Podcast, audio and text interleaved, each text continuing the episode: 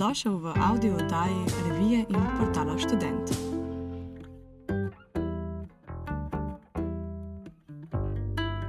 V tem podkastu se z urednico revije Student, Katja Stojč, pogovarjava o duševnem zdravju. Katja, živijo. Živijo, pija. Kako si kaj? Pa, glede na trenutno situacijo, v redu, kar v redu. No, pač. No lahko... to je pa dobro slišati. Ja, ampak ja. Kako, sorry? Da ni lahko biti zaprt v hiši, ampak mislim, da smo se letos že kar navadili na to. Tako da, da smo že profi v tem, v oddaljevanju od drugih ljudi. Ja, mislim, da res. Čeprav um, bi, bi, bi rada verjela v to, ta dobro komponento profijo, no, ampak mislim, da, oziroma upam, da ne bo imel to prevelike posledice tudi na, na kakšno duševno zdravje. Ja, to pa mislim, da kar je. Čeprav načeloma je tako, da za določene duševne bolezni uh, je v bistvu epidemija čist v redu vplivala, ker določeni ljudje so dejansko pripravljeni na to, da se soočajo z stvarmi, uh, ki jim predstavljajo neko grožnjo. Recimo, vem, da je ena psihologinja razlagala, da v bistvu ljudje, ki imajo anksioznost, itak pač stalno pričakujejo neko grožnjo, ne? in zato jim je zdaj pač uno, hm, navaden, pač itak cel življenje že živim z nekim takim oblakom grožnje nad sabo in zdaj je saj ta grožnja resnična. Tako, kar zanimivo. Uh, ok, ja, zanimivo. Mislim, ima smisel, a ne? Um, ampak ja, sploh nisem pomislila, da, da zna biti tudi ta, uh, tudi ta plata. Uh, wow, ok. Ja, jaz mislim, da moramo mi dve um, tole malo bolj razdeliti in da mi ti še kaj zanimivega poveš. Tako da današnjo epizodo uh, podcasta posvečava duševnemu zdravju. Ker, ja, kot smo že v začetku omenili, najbrž, da je to res neka taka tema, ki je v današnjih časih še posebej aktualna, sploh pa za mlade, sploh pa za študente. Doživljamo, doživljate zdaj res neke velike spremembe v načinu izobraževanja in socializacije. Zna to zelo, zelo intenzivno vplivati na, na vse, na celotno izkušnjo.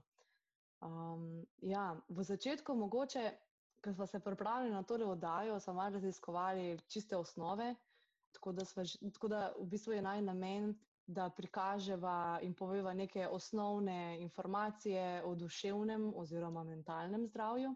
In že na začetku smo se spotaknili ob točno ti dve besedi. Duševno ali mentalno, kaj je zdaj pravo? Ne?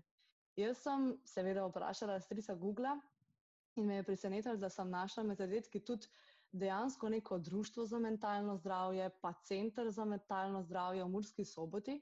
Ampak, če si jaz prav razlagam, zna biti, da je ta beseda mentalno zdravje v bistvu neka ponesrečena, uh, poslovenjena verzija angliške, angliškega izraza mental health ne? in da se potem to prevaja v mhm. mentalno zdravje, kot je recimo pri um, social media, ne? socialno omrežje, kar je čist, čist narobe. Kaj misliš ti, Katja? Ja, meni se tudi zdi, da pač je duševno zdravje tisto pravi izraz, medtem ko mentalno pa pač ja. Mogoče določeni zdravniki so pač dobesedno prevajali to iz angleščine in so rekli, no, bomo kar dali mentalno zdravje. Čeprav pač imamo v slovenščini res dober izraz, duševno zdravje in se mi zdi, da je to tudi pač takoj ti je jasno, če ti nekdo reče duševno zdravje. Pri mentalno zdravje je pa krvno, ha, kaj, kaj je že to? Da definitivno jaz mislim, da je slovensko pravilno duševno zdravje, Ampak sem ja tudi jaz že videla v bistvu mentalno zdravje, da se ful pogosto uporablja. In tudi tako v javnih ustanovah, pač, kot si že rekla, v Murski soboti, da je pač center za mentalno zdravje. Mislim, da dejansko tudi zdravstveni domovi, ki imajo pač to znotraj zdravstvenega doma, imaš poseben oddelek. Mislim, da se isto reče, prav oddelek za mentalno zdravje, ne za duševno zdravje. Kar je kar ja. zanimivo. Jaz sem tudi to zasledila, ja, da to, kar je na tej ne, ravni uh, zdravstvenih domov, da kar uporabljajo to besedo mentalno zdravje.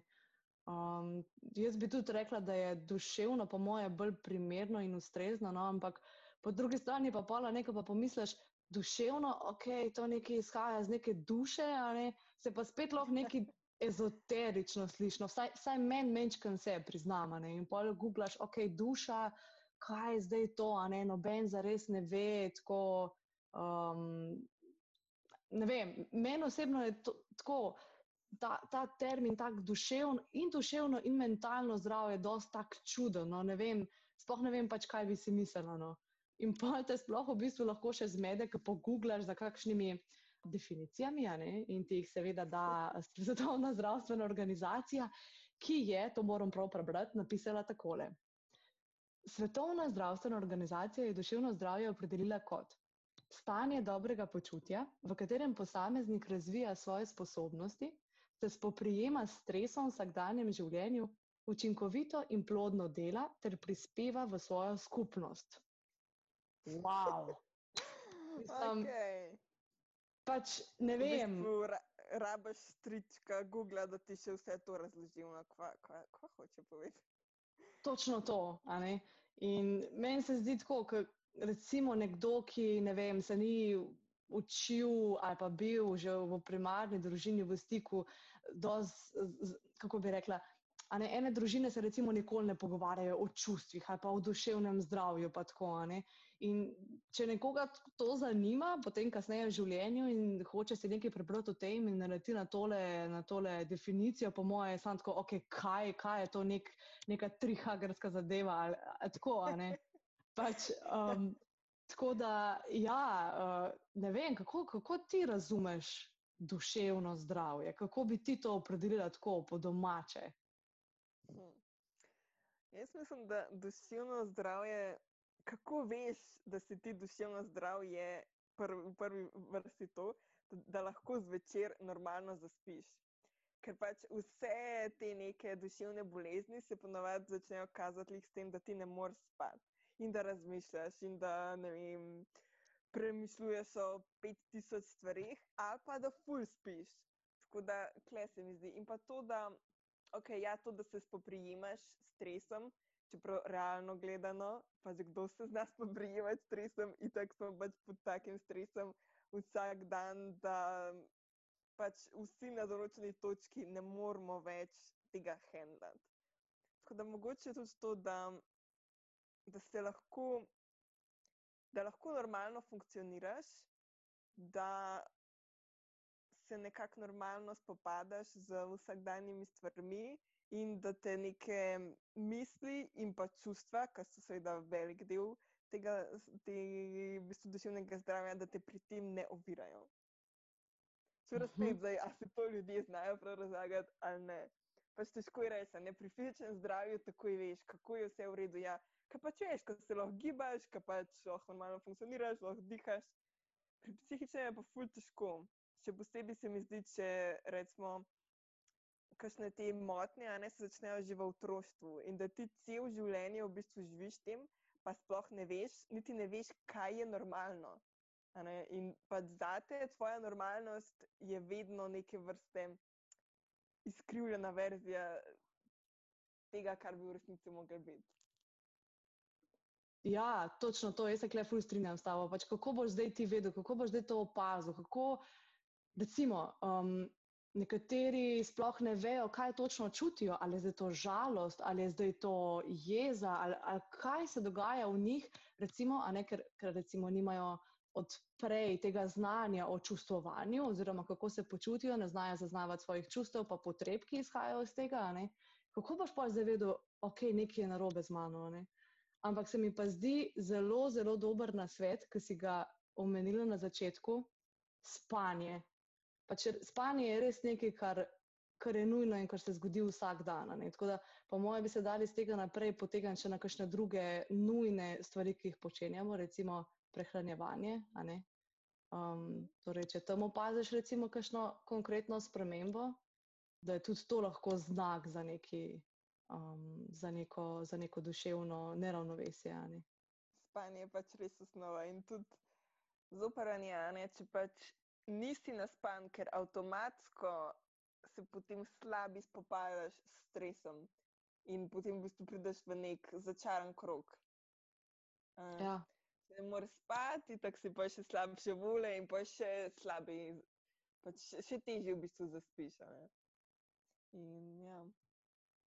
Je pa Res tako, ker imam žalost, v bistvu, zakaj mi ne znamo izražati toliko svojih čustev in tega, in zakaj v bistvu ljudje sploh ne govorijo o duševnem zdravju. Ker v bistvu se o tem sploh ne zgovarjamo, sploh pač skozi zelo redko res o tem govorimo. Že če pomisliš v šoli, vsakič, ko imamo tele um, sistematske preglede, pa nam razlagajo, ne vem, vem, da puncem razlagajo o raku dojk, um, moškim že neke druge stvari, ampak o duševnih motnjah pa noben več ne govori, pa bi nas mogel naučiti, ker je to res tak pomemben del naših življenj. Ampak ne, to pa sej ni pomemben. Bojana itak pride do te stigme in v bistvu, če ti ne znaš izraziti tega, da v bistvu čutiš, da je nekaj s tabo narobe, ja se ne moreš povedati, ne. pa, pa se samo, no, nekaj je narobe z mano. Ja, ok, kaj pa? Ja, ne vem, nekaj je narobe. Ja, Tako je res je v bistvu zelo žalosten, no, pač v kakšnem svetu živimo glede tega. ja, v bistvu res, ne, če sploh že pride do tega, da komu se zaupaš, mogoče se zgodi celo še kaj prej, ne, da v bistvu zaznaš, da je nekaj narobe in si misliš, o, fuk, jaz sem res čuden in ti je pol nerodno, spet ta stigma.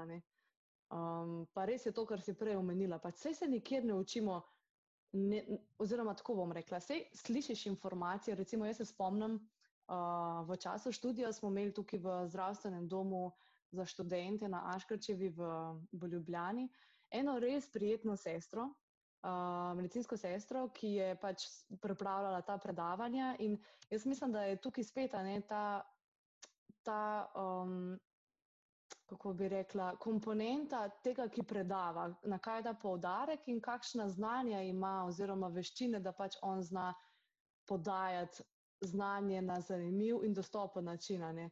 V bistvu je res bilo večino predavanj ostalih, kot se jih tudi jaz spomnim, na, na, eh, na, na način, da so pač govorili, da ja, obstajajo take in take duševne motnje, a veste, to, če ne jeste pravilno, um, ni v redu, ker lahko pridete do anoreksije, ker lahko to, ker lahko uno. In že v bistvu način podajanja tega je dosti tak stigmatiziran. Ni tako, da bi rekel, ok, dajmo začeti na osnovah, zakaj se to zgodi, kako to prepoznamo pri sebi, da bi nas v bistvu res naučili um, izražanja. Pa noben ti tudi ne pove, kaj narediti, pač kako, kakšen je ta postopek, kako se obrniti na zdravnika, pač kako se lotiti zdravljenja. Pač tako, nič ne veš in poj nekaj googlaš in itak, ko googlaš na teh forumih, vidiš same najbolj grozne informacije in težje poiščeš pomoč. Ja, res je. Pa še malo se spreminja to, kdo je zdaj za kaj pristojen, ne vem kaj. Recimo um, to, kar sem zdaj prebrala, da, se, da so bili recimo taki mal večji premiki na področju duševnega zdravja v Sloveniji, je bila ta resolucija, ne, ki je bila sprejeta, mislim, da 2018 in naj bi opredeljevala neko preobrazbo duševnega zdravja oziroma izboljšanje duševnega zdravja v Sloveniji, ne, kjer so v bistvu poskušali oziroma še poskušajo, no, čeprav zdaj v, v sklopu tega COVID-a pa vsega je najbrž, da to zamrznjeno, a ne logično. Ampak um, kaj, je bil, kaj je v bistvu namen te resolucije? Ne? Pač to, da um, hitreje pridemo do pomoči, da se prej začnejo obravnavati pač posamezni primeri, da, um, pa da ni toliko stigme. Tako da ja, zdaj smo že veliko povedali o stigmi, no, ampak um, me pa vseeno zanima, kak občutek imaš ti, Katja, tako recimo, ne vem, v pač tvojem življenju z ljudmi, ki so ti blizu ali pa ki so ti malo manj blizu. A si se kdaj kaj tako pogovarjala, pa si zaznala veliko te stigme, ali kdo sploh govori odprto o tem? Ja, stigma je definitivno povsod prisotna. Sicer se mi zdi, da je mogoče pri starejših še malo bolj. Recimo tam je pač avtomatsko, če ima nekdo neko duševno bolezen, ja, on je pa nor. Pač, ne, uh -huh. ni nor, ne moreš tega, ampak če so bili pač ti naši stari starši in tako v čez drugih časih so odraščali, jim težko pač to očitaš, ker itak pač njihova osebnost je zgrajena, ne boš jih spremenil. Kar pa me spremeni je, da vidim pri mladih, ki na ta način reagirajo.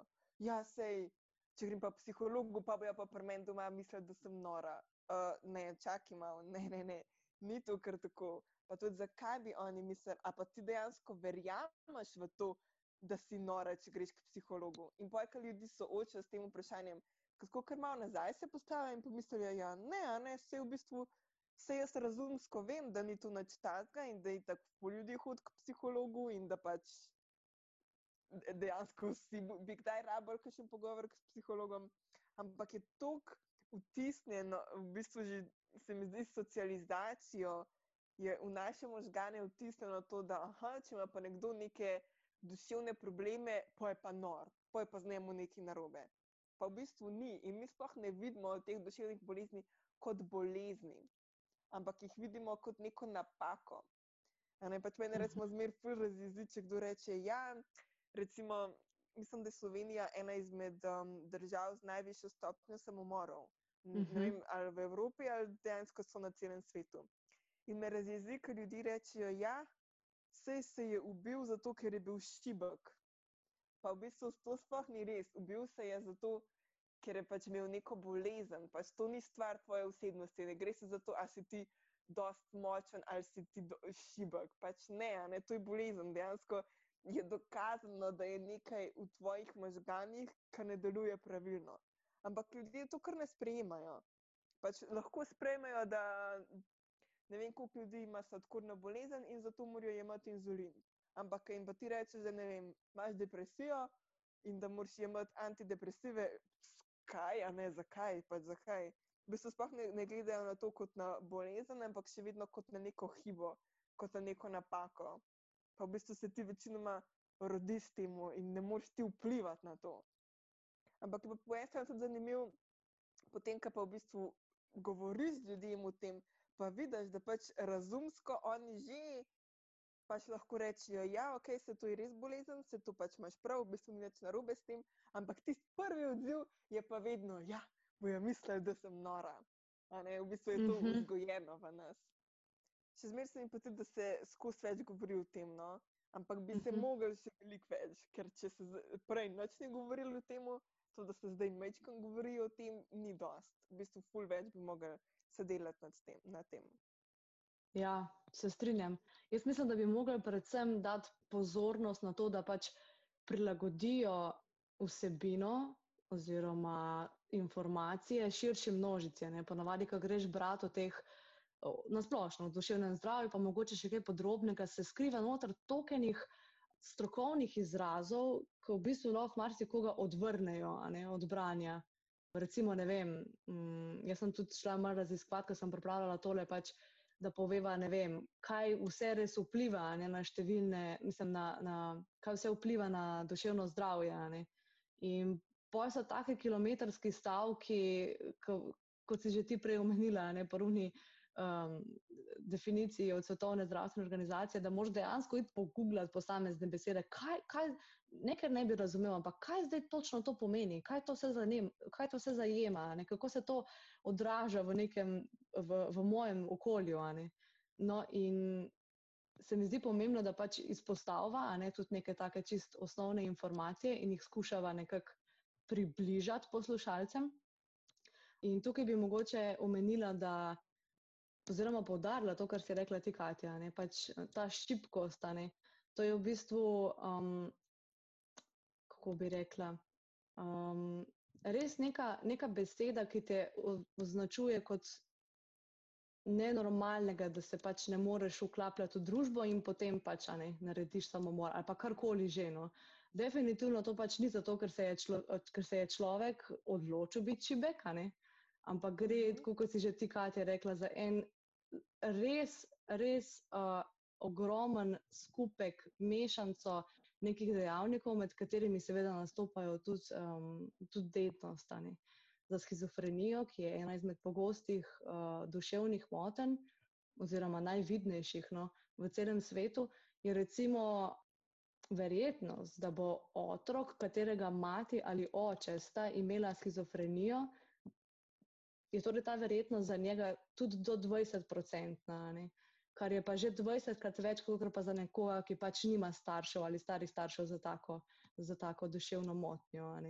Um, tako da, kar se tiče res teh uh, genetskih dejavnikov, vsaj kar jaz vem, pa kar sem raziskovala, za enkrat žal še ni nekih zdravil ali pa ne vem kaj, da bi se dal to ful zmanjšati in pač na to ne moramo vplivati. Ne. Um, lahko pa vplivamo na te zunanje dejavnike ne, iz okolja, ampak še vedno, koliko za res, ti si pač potisnem v neko okolje, uh, v, imaš nek socialno-ekonomski položaj, ki je tak zaradi spet različnih okoliščin, ne, in koliko ti potem to v bistvu vpliva na, na, tvoje, na tvoje duševno zdravje in na razvoj oziroma potek nečesa, kar bi se ti lahko razvilo, ali pa ne. ne? Zelo kompleksno je in dejansko pač tudi, če greš ti k zdravniku, pa pač da poveš, da imaš v družini nekoga z duševno boleznijo, te tudi drugače tretirajo. Ker je pač večja verjetnost, da bo tvoja oblika bolezni uh, hujša, kot pa pri nekomu, ki pač v družini nima nobene duševne bolezni. Tako da ja. genetika vpliva ja, in pač ne moreš ti izbirati, v katero družino se rodiš. Je pa res, ne, da pol, če pač, kako bi rekla, um, imaš možnost, da ne to izboljšati, recimo, da prepoznaš neke stvari, ki se recimo so se ti zgodile, pa niso bile ok, pa čutiš, da te bremenijo in da bi jih rad rešil, ampak spet, ne, tukaj je ful odvisno od okolja. Kako se boš zdaj ti, ki smo prej na začetku omenili, kaj je zdaj normalno, pa kaj ni. Ali pa recimo nekateri ljudje sploh niso, ne rabijo toliko časa samim sabo, ne, ne poglabljajo se v to, kaj so mislili, kaj se jim je zgodilo, kako so se počutili. Ah, tako pač je. Tako da, tukaj je res, res en tak splet okoliščin. Ali bo človek šel po pomoč, ali bo v bistvu že v prvi fazi sploh prepoznal, da je karkoli narobe, in potem šel po pomoč in, in si pomagal, oziroma dovolil, da mu drugi pomagajo. Ne? V začetku smo že večkrat govorili pač o tem, um, kaj je najbolj pogosto, pa vmes smo že večkrat omenjali. Ampak recimo, jaz sem malo raziskovala še, kako je uh, v Evropi. In me je kar malce presenetil podatek, da ima skoraj polovica prebivalstva duševne bolezni. Meni se zdi to ful. Ene so seveda bolj uh, resne, druge so manj, ene se da prej rešiti, ene se da sam, samo z nekimi kombinacijami zdravljenja, ampak tako, ta, ta procent mi je kar pomenljiv. No. Podatki posameznih držav v Evropi se sicer razlikujejo, ampak zanimivo je pa tudi to, da so ugotovili, da so prebivalci starih evropskih članic oziroma EU članic. Uh, pri boljšem duševnem zdravju, kot pa prebivalci novih članic, torej te, ki so se priključili recimo v zadnjih letih. Ja, potem smo pa že večkrat prej omenili tudi najpogostejše duševne motnje oziroma oblike duševnih bolezni. V Evropi in v Sloveniji so to anksiozne motnje in depresija, in pa da je samomor glavni vzrok za prezgodnjo smrt, tako v Evropi, kot pa tudi, mislim, da v Sloveniji, kot si že ti prej omenila, Katja. Ja. Um, in zanimivo je, koliko od tega je ženskih, koliko je moških. In kako se tudi tukaj vidi ta stigma, um, ki morajo biti moški vedno ta trdni, pa uh, ki ne jamrajo, ki ne jokajo, ne? ampak jih potem dosti prej potrena vznoter in se pač ne obrnejo na pomoč, kot pa ženske. Ok, ja, vse ženske že v osnovi mogoče mečkan več čustvujemo, um, ampak zanimivo pač, kako je že to spolno, z, pogojeno z spoloma pri ženskah je še hormoni, ne nek drug dejavnik, ki bolj vplivajo na to. Mislim, da jih zaradi hormonov v bistvu ženske so bolj verjetne, da bodo dobile neko obliko duševne bolezni. Pa še pač, recimo, ena izmed velikih preizkušenj je tudi ta, ne, da, ma, da, da ženska postane mama. Ne. To je tudi neka taka velika sprememba v življenju, ki lahko vpliva na to, da se ti razvije um, ali pa potencira že kakšna obstoječa, um, obstoječa duševna bolezen. Ja. Še ena stvar, o kateri se ne govori, pa porodna depresija, kot da ne obstaja. Ja.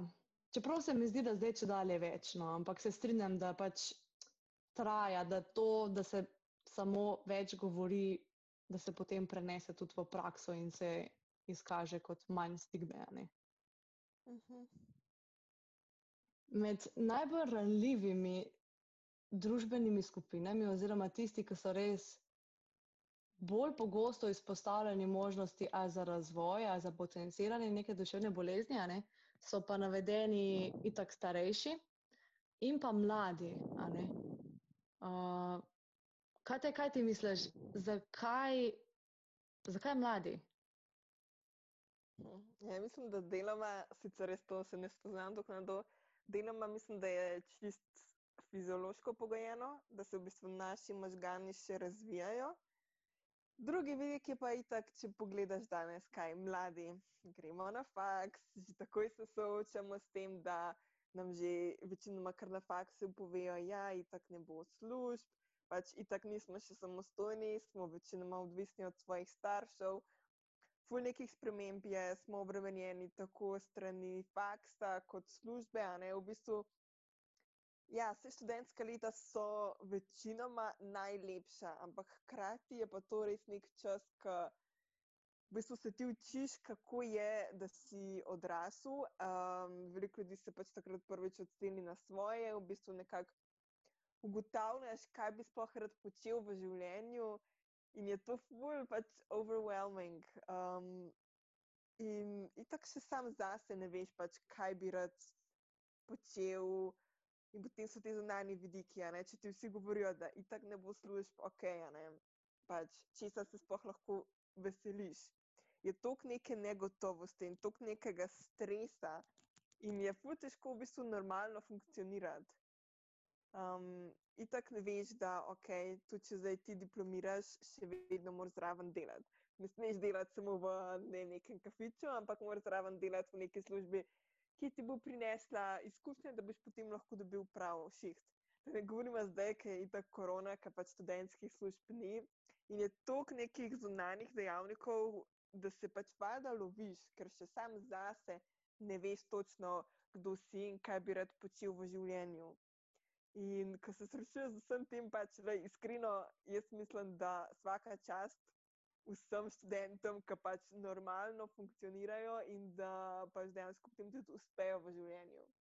Ker se mi zdi, da pač velik je v bistvu študentov, ki se ful matrajo in ki se spopadajo z nekimi težavami. In pač mladi so itak ful izpostavljeni tudi pač družbenim omrežjem. Kaj gledaš na Instagramu, ja. na Facebooku, oh, koliko so vsi resni, koliko so vsi imajo fulnika popolna, urejena življenja in poj kaj, ti hodiš na faks, delaš za unih 300 evrov na mesec, a živiš v nekem groznem stanovanju, ker si itak drugega ne moreš prvoščati. In cel cel poslušaš samo, ja, kakšna ekonomska kriza je in itak ne bo šlo na bolje. Ja, valjda, da pač pa izgubiš neko vero, neko zaupanje, da se bodo stvari izboljšale.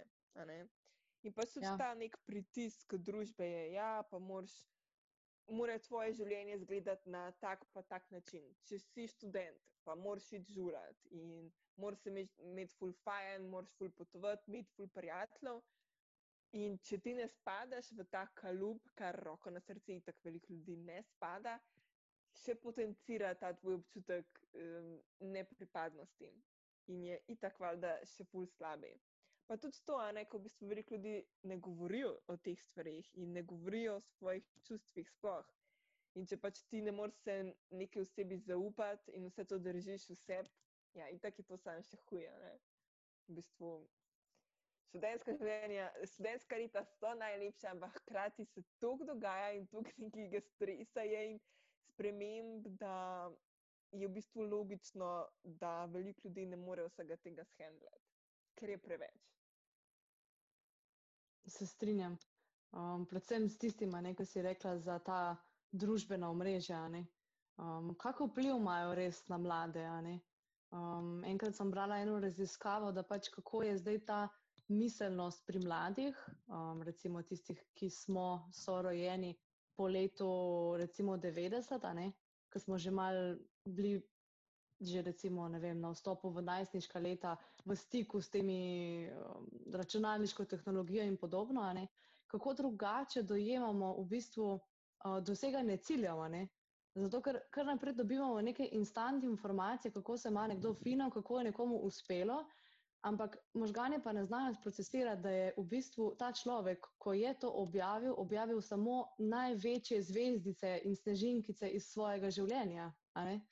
In uh, uh -huh. potem se v bistvu na nekem nezavednem nivoju dogajajo procesi, kot samo to, kar vidiš recimo, na Instagramu, pomeni biti uspešen. Samo to, da bom dosegel to in to in to, pomeni, da sem ok, da sem normalen, da sem sprejeta. Ne? In kak pritisk v bistvu lahko na nekem čist nezavednem nivoju povzročajo družbena omrežja.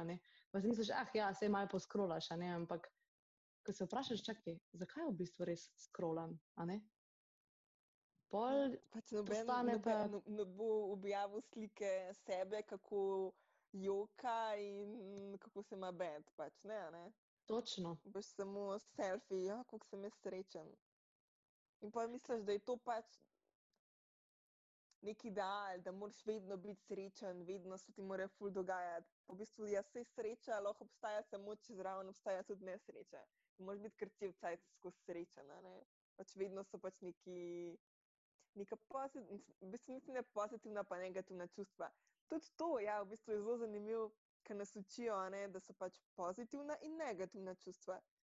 Ampak to v bistvu sploh ni res, ker pač ja. sreča ni vedno pozitivna. Če se je tebi nekaj fulgroznega zgodil, je pač normalno, da se počutiš nesrečna. Ne. In ne vem, tudi jeza, recimo, zakaj je jeza slabo čustvo. Ne, jeza ni vedno slabo čustvo jeza je lahko ful dobro čustvo, ker pač te motivira, da nekaj narediš, da se upreš. In v bistvu ne smemo ločiti čustev na pozitivna in pa na negativna. Pač vsa čustva so sprejemljiva in pač normalno je, da v bistvu čutimo več stvari in da nismo vedno srečni. Za konec pa še nekaj uspodbudnih nasvetov. Zdaj smo v res napornem obdobju, za vse.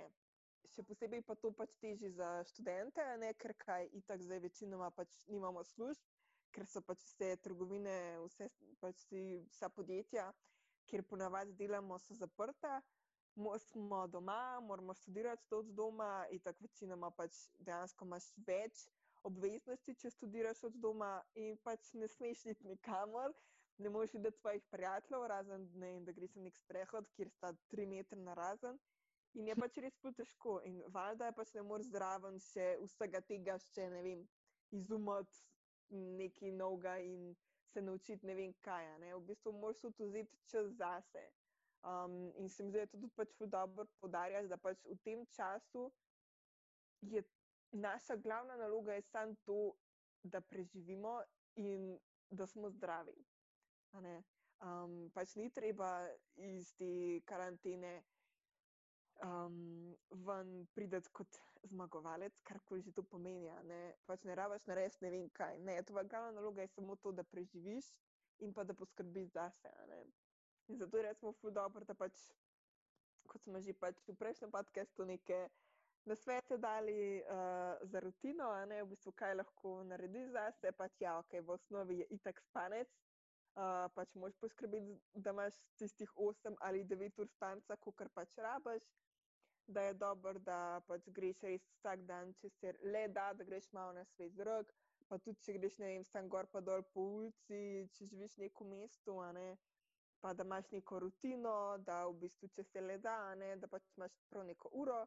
Recimo, tokrat pa zato, ker imam predavanje in potem se učim ali pišem seminarske ali karkoli. Je pač pomemben to, da v bistvu vzameš neko odmor, ne, da za vikend, da si res odpočiješ, da delaš stvari, ki so ti v veselje, ne? ker v bistvu moš poskrbeti zase. Um, in ti ne bo več pomagati, če ti vcaj samo nekaj delaš, in potem si tako pregorel, in kaj en mesec traja, preden se spet k sebi spraviš. In da izkoristiš, vsaj v tem času so družbena mreža dobra, vsaj glede tega, no, da se pač lahko slišiš s prijatelji, da saj nisi tako savljen. To pa je res neka pozitivna stvar, vse tehnologije, ki jo imamo danes na voljo. Ja, res je. Super. Jaz bi mogoče samo dodala še en na svet, ki mi je tak. Mislim, sej na, na hitro se sliši, da okay, je kar nekaj, ampak tako, ko pomisliš, recimo, jaz se sebe spomnim, v študentskih časih, takrat, ko je bilo ful preveč predavanj, pa ne vem, pa dve službi so imela študentski, pa ne vem, kje posod sem bila, sem bila tako, oh, ko bi lahko zelo sam se ulegla v poslo z unimi debelimi volnenimi štumfi in pač sam bila in imela neko vročo čokolado v roki ali nekaj, pač evo, lej, zdaj je priložnost, pač naredi si iz tega kar je zdaj tvoj realni svet, torej nažalost pač zum in posla in vece in hladilnik in pač štiri stene tvojega doma, naredi en tak cozy place. Če je kdaj priložnost, da si na petek zvečer z vročo čokolado ali pa s kuhanim vinom, karkoli v posli in, in, in, ti, in ti ni, ni, ni, ta, ni tega straha, fear of missing out, ne, študijsko življenje in to pač, lej, naredi to. Sink in naj ti bo čist kul, cool, nagradi se, zato ker si to pač zaslužiš in ker je to zdaj idealna priložnost, da se pocrklaš sam s sabo in, in, in vse bo menilo. Vse bo, vse bo menilo. Ja. To si moramo v bistvu ohranjati v glavi, da to bo menilo. Sam še upajmo, da pol leta, oziroma maksimalno en let, in potem bo cepivo in se bojo stvari vrnile v neko normalno. Ja. To bo bilo. Recimo, ja. Tako. Ja. Ok, to so bile najne sklepne misli, tako da s temi zaključujemo današnji podcast. Če mogoče še nisi poslušal prejšnjih, te vabiva, da poslušaš še tiste, pa da nam v komentarjih pustiš kakšne predloge, ideje za naslednje oddaje ali pa svoje vprašanja, uh, jih bova, jih bova zelo, zelo veseli lepo se imej in lepo zdrav do prihodnega petka.